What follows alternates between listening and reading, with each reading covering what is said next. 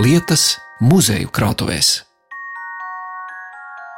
Es domāju, nevis man jāstāsta tos cēlos stāsts, un varoņu stāsts un visādas, un bieži vien ir nogludināti līdz ar to kaut kas, bet, bet tās detaļas, tās detaļas, tās prozaiskās detaļas bieži vien tas ir, tas ir interesanti.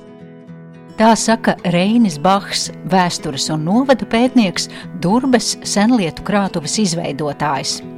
Lai gan krātuvē var atrast daudz arī tos lielos un cēlos stāstus par ievērojamiem šīs puses ļaužiem, par valodnieku Kronvaldu Atti, politiķu un diplomātu Zikfrīdu Annu Meirovicu, scenogrāfu Girtu Vilku, Tomēr šoreiz klausīsimies Reņa Baha stāstījumu ar un par košām un interesantām detaļām, kā durbēnietes pie tautas tērpa ir tikušas, kā dārznieks Sīmanis Klēvers izdeva pirmās grāmatas par dārzkopību latviešu valodā, iepazīsim lielāko vecā stendera sāncensi Durbes vācu draudzes mācītāju un grāmatu autoru Johanu Kristofu Baumbahu, un vēl krātuves saimnieks pastāstīs par krājuma pirmo eksponātu - zupas šķīvi ar nacistiskās Vācijas karaspēku cilvēku simboliku.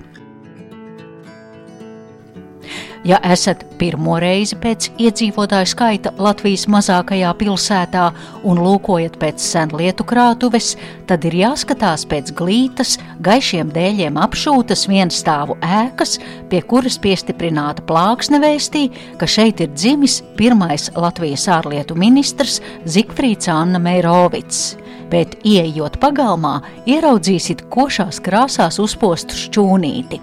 Tas ir krāsots par paraugu ņemot durbes tautiskos brunčus. Tālāk stāsta Reinis Bahs. Durbe vēsturē bijis vācisks miests līdz 19. gadsimta vidum. Nu, tad, kad atbrīvojās uh, zemnieki no dzimtbūšanas, tad uzņēmīgākie dažādi amatnieki latvieši sāka piepildīt durbi, pamazām pārņemt šeit, uh, un 19. gadsimta beigās jau latviešu īpatsvars šeit bija liels. Bet 30. gados, kad visas ministru sievas fotografējās, žurnāla atpūta fotografējās tautas tērpos, Durbē nebija tautas tērpa. Un ir sarīkojumi. Jūs redzat, šeit ir eh, paredzēts. Kā jūs man rādāt fotografiju, uzņemta 1935. gada 24. jūnijā, Jāņu dienā. Un es saprotu, te uz durvis ielās es redzu tautas tērpos, stērptas sievietes. Kor, vien, jā, jā, tas ir durvis koris, kas dodas jā. uz pilskalnu. Un te viņi ir nonākuši pilskalnā, un tur ir daudzi kori no dažādām vietām, no liepājas apkārtnes dažādām lielākām un mazākām vietām. Un šis milzīgais koris uzstājas tādā novada lielā sarīkojumā, 35. gadā. Bet pirms tam Burbes sievietes izmisušas, domāju, ka viņām arī vajadzīgs tautas tērps korim. Un nav durbē tautas tērpa. Nevienos gadījumos neviens nebija tautas tērpā staigājis tādā vāciskā miestā. Nu, un ko nu brauc uz Liepāju? Muzejā meklē, tur neko prātīgi neatrod. Brauc uz Rīgu, vēstures muzejā atrod lūk šo strīpaino gabaliņu tādu. Strīpaini vilnas bruņķi, zils, melns, dzeltens un zaļš. Jā, un tas ir izrādās auduma gabaliņš bijis no Raibenieku pagasta. Raibenieku pagasts tas ir tas pagasts ap durbi, kur dzīvoja latviešu zemnieki. Un uh, Raibenieku pagastā, lūk, um, sievas godos valkājuši šādu strīpainu brunci. Un esmu taisījuši to brunci tādu, teikdams, Tadaiķos ir sarkana strīpa brunčos, Vecpilī ir sarkana strīpa brunčos. Mums nebūs tā sarkanā strīpa brunčos. un tad uztaisīs šitā. Nu, tā tad izauga pirmkārt šo audumu, sašuvu brunčus. Pēc 35. gada nu, tādiem priekšstatiem uztaisīja smuku uh, linu blūzīti ar cauro vīli apaklītu un uh, piedurknes jā. jāizšūtas. Un tad uh, ņēburiņu uztaisīja drīzāk tādu vācisku nekā latvisku, tā te man saka. Nu jā, nu es skatos uz uh, melnu, tā ir vilnas vai melnu kokvilnas auduma jā. vesti, kurai malas ir apšūts, nu, Tā kā prievīti, jā. ne prievīti, gaiši dzeltens ar zilu, tādi, tādi zigzag raksti. Un šis tēps um, piederēja Lejas kundzei. Lejas kundze bija redzama Durbas personība. Viņas vīrs, Kalpaka bataljona karavīrs, apbalvots trīs zvaigžņu ordeni, aktīvs visās um, organizācijās. Viņš bija dārznieks, viņš bija draudzē aktīvs, viņš bija ugunsdzēsējs, viņš bija aizsargs un viņš visur darbojās. Un, uh, viņš bija krietnes latviešu patriots. Un tad um, Viņš arī pamanījās kļūt par pilsētas vecāko vācu laikā uz īsu laiku, uz vienu gadu. Un 44. gadā viņam, protams, bija skaidrs, ka viņš te nevarēs palikt. Viņš atstāja savu saimniecību, dārzniecību un devās uz um, Prūsiju, nu, tagadējā Poliju, Gotenhāfenu, kur daudz latviešu sapulcējās bēgdami uz rietumiem. Un krietnā lejas kundze vēl atgriezās, kamēr ceļš nebija uz kurzem slēgts atpakaļ, atrada savu saimniecību durbē kārtībā, izraka dārzā kasti ar vērtīgākajām, dārgākajām lietām, kas bija noslēpta. Acīm redzot, tad paņēma arī šo tautas tērpu nokāva govi un uh, cūku, lika nokaut un sabāza to desās kā maksāšanas līdzekļu, jo, lai pārvietotu tur mantu, kaut kādas sēņas par tiem kara apstākļiem, bija pa labu un pa kreisi kaut kā jāmaksā, un ar naudu, protams, ne, ar desām tā lieta gāja. Un tā šis tautas tēvs nonāca Vācijā. Līdz 51. gadam Leju ģimene uzturējās Vācijā, tad nonāca Amerikā, dzīvoja pie Ņujorkas, izpelnījās pensiju, uz laukiem strādādama. Un Lejas kundze šo tērpu, acīm redzot, visos latviešu godos Amerikā apgrozījās. Pensiju viņa aizgāja vadīt Kanādā, kur viņa meita dzīvo vēl šodien. Viņai simts gadi palikuši. Meitai. Meitai simts gadi. Un tur šis tērps tātad ilgu laiku glabājās, un gadus 15 atpakaļ, kad viņi jūt, ka šeit taisās muzejs, tad atsūtīja uz durbi. Lejas kundzes meita. Jā, Lejas kundzes meita. Un tad šis ir pagaidām, es nezinu, vienīgais oriģināls no tā saucamā Durbas tautas tērpa. Ne teikt, etnogrāfiski, jā, no patiesā, bet gada. no 35. Jā. gada raduš, radītās Durbas tautas tērps. Kā tas, jā, kā tas tautas tērps aizceļojas Vācija, Amerika, Kanāda un atpakaļ uz Durbu. Durbu jā, te viņš ir atgriezies. Jā, tas... Ko etnogrāfi saka un tautas tērpu pazinēja? no te bija no Liepājas muzeja tautas tērpu speciālisti. Viņam, uh, viņi tā pieticīgi novērtēja, viņi teica, tas ir tas vērtīgais, tas bruncis. Jo tas ir eh, kaut kur balstīts uz etnogrāfiju, patiešām var būt. Bet tā augšas daļa, viņa teica, tā ir tāda, kā 35. gadā sievietes sev iedomājās smuku. Lina blūzīte ar caurā Jā. vīlē izrakstītu apaklīti un, un, un piedurknēm, un tā vestīte mm -hmm. nu, varētu būt arī nu, jebkura melna veste. Jā, protams. Ar nelielu Jā, tādu dzeltenu zilu rotājumu. Jā. Un tagad paskatieties pa logu ar to puķi, jūs tur redzat man šķūnīti. Ah! Tas mans ā, ir par to, tāpēc, ka es skatos uz dēļu šķūnīti, un dēļi ir nokrāsoti precīzi durbes tautas tērpa bruņķu krāsās. Jā, tas ir jauno laiku stāsts, pavisam svaigs.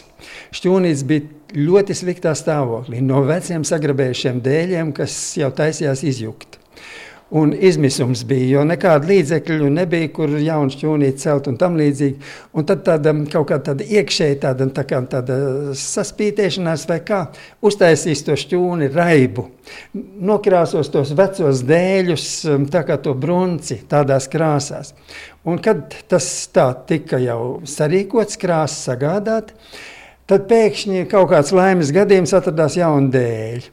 Un uztaisīja to šķūņu vienu sienu no jauniem dēļiem, izklāja to brunci tur zālē. Vīri skatījās un skaitīja strīpus un nokrāsoja visus dēļus tā kā bruncim.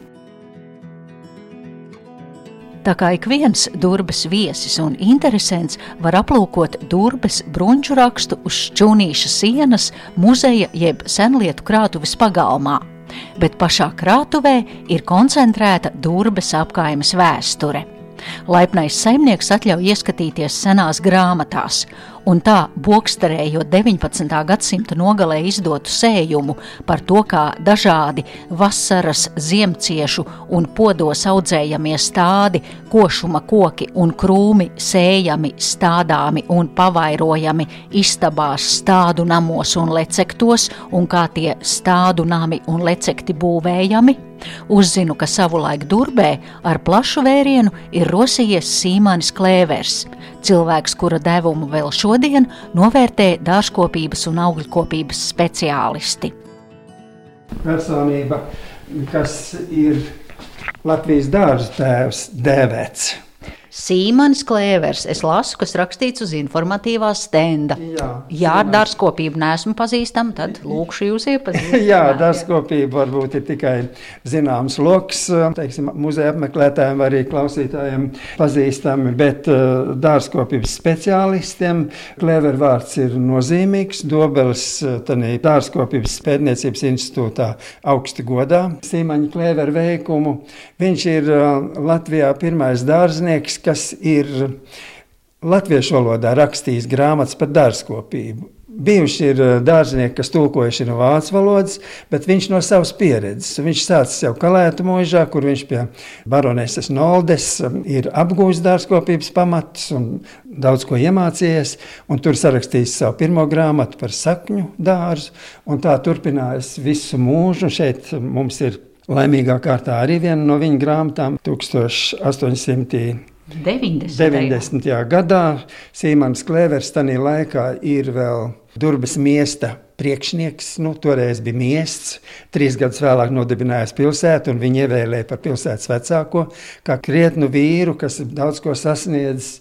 Viņš savas zināšanas par dārzkopību atspoguļoja grāmatās, izdeva četras grāmatas, kuras tika atkārtotos izdevumos izdotas. Un bija veiksmīgs, varētu teikt, biznesmenis. Viņš nodibināja mūsdienām atbilstošu modernu dārzkopības firmu, kas pamatā bija koku skola, kur audzēja augļu koku stādus, un tad uh, bija arī sēklu audzēšana dažādām kultūrām.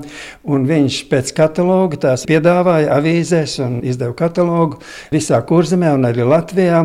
Varēja pasūtīt pēc kataloga stādāmo materiālu, sēklas un tam līdzīgas lietas gluži kā mūsdienās.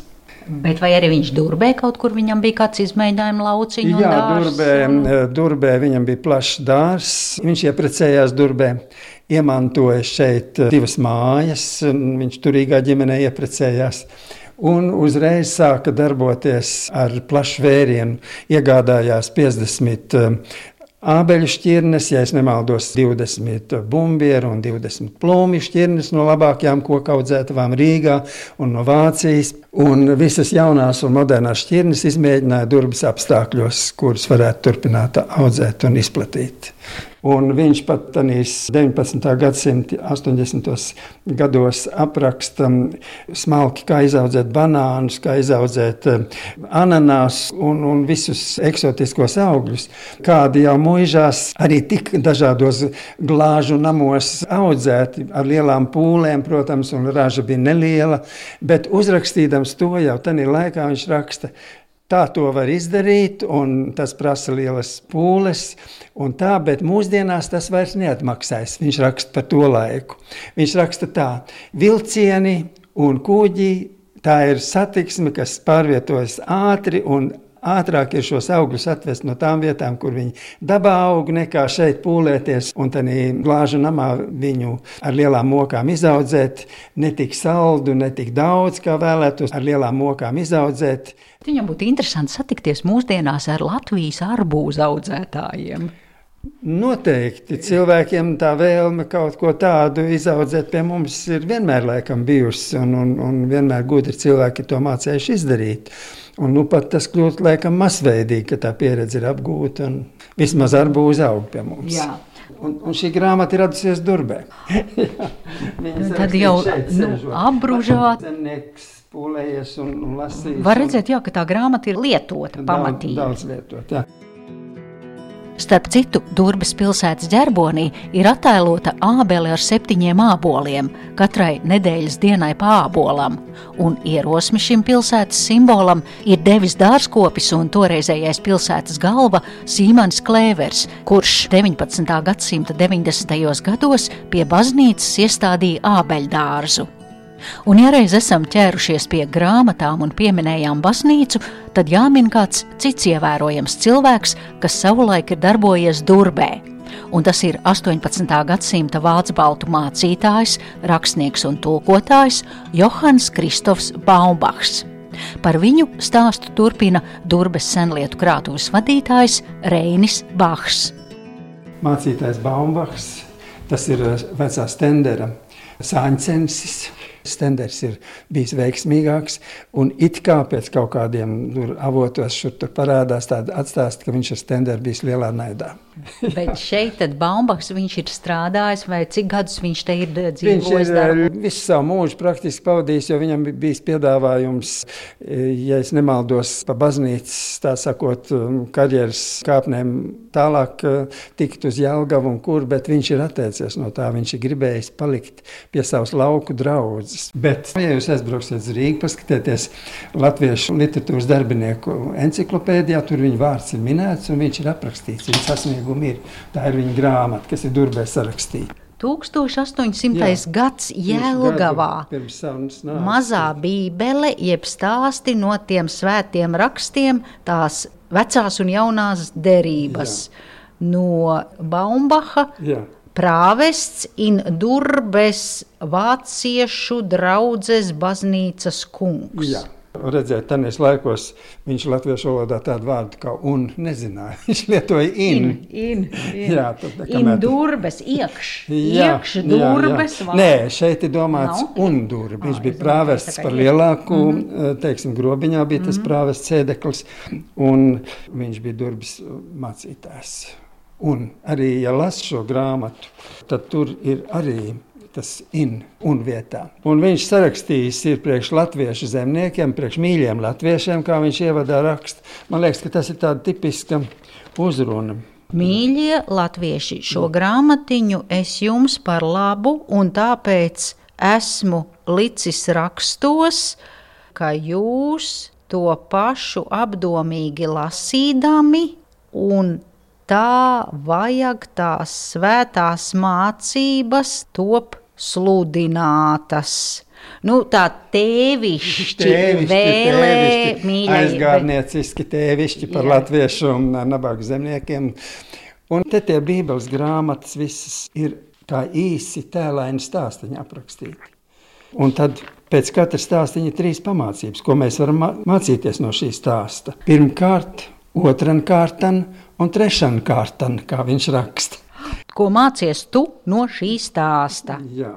Es mācos, jā, pirmām kārtām, ka Dievs ir viens uzticīgs un pateicīgs Dievs. Nu, es te tagad jā, ne, ne, jā, klausītāju pacietību nepārbaudīšu, burtojot vecajā un, viņš, Baumbachs ir cēlies no Jelgavas, kur viņš pie slavena Jelgavas mācītāja Rozenbergera, kas ir latviešu gramatikas autors arī pirms Bīlensteina. Viņš labi ir iemācījies no tā mācītāja latviešu valodu un turpinājis to arī darīt šeit. Viņš varēja sarakstīt dzējoļus latviešu. Un, ja jūs šodien vēl ejat uh, Lutāņu baznīcā, tad atšķiriet 201. dziesmu ir no Bambacha. Viņš ir atzījis to no vācu valodas, un viņš to ir darījis pirms 200 gadiem, un tik labā latviešu valodā, ka šodien vēl baznīcā var izdziedāt. Kā lai grēkam piederētu, ja tu mani atpircis, vai pret grēku nelīdzētu tavas nāves upuris? Es no ļaunā atteikšos, tik pie tevis turēšos. Johan Kristofu Baumbachu, un tas tad vēl joprojām Lutāņu baznīcās dienas, jā, jā, dziesmu grāmatā. Tas ir liels gods mācītājam, kas ir varējis tik labi latviešu valodā izteikties. Bet redziet, es nu pat izlasīju arī šajā informatīvajā stendā, jūs esat uzrakstījis, ka viņš savām bērēm ir sacerējis dziesmu. Pastāstiet par to. Jā, diemžēl es šo dziesmu neesmu atradis, bet, bet ir, tas, piemēr, fakts. tas fakts ir um, ievērojams. Jā.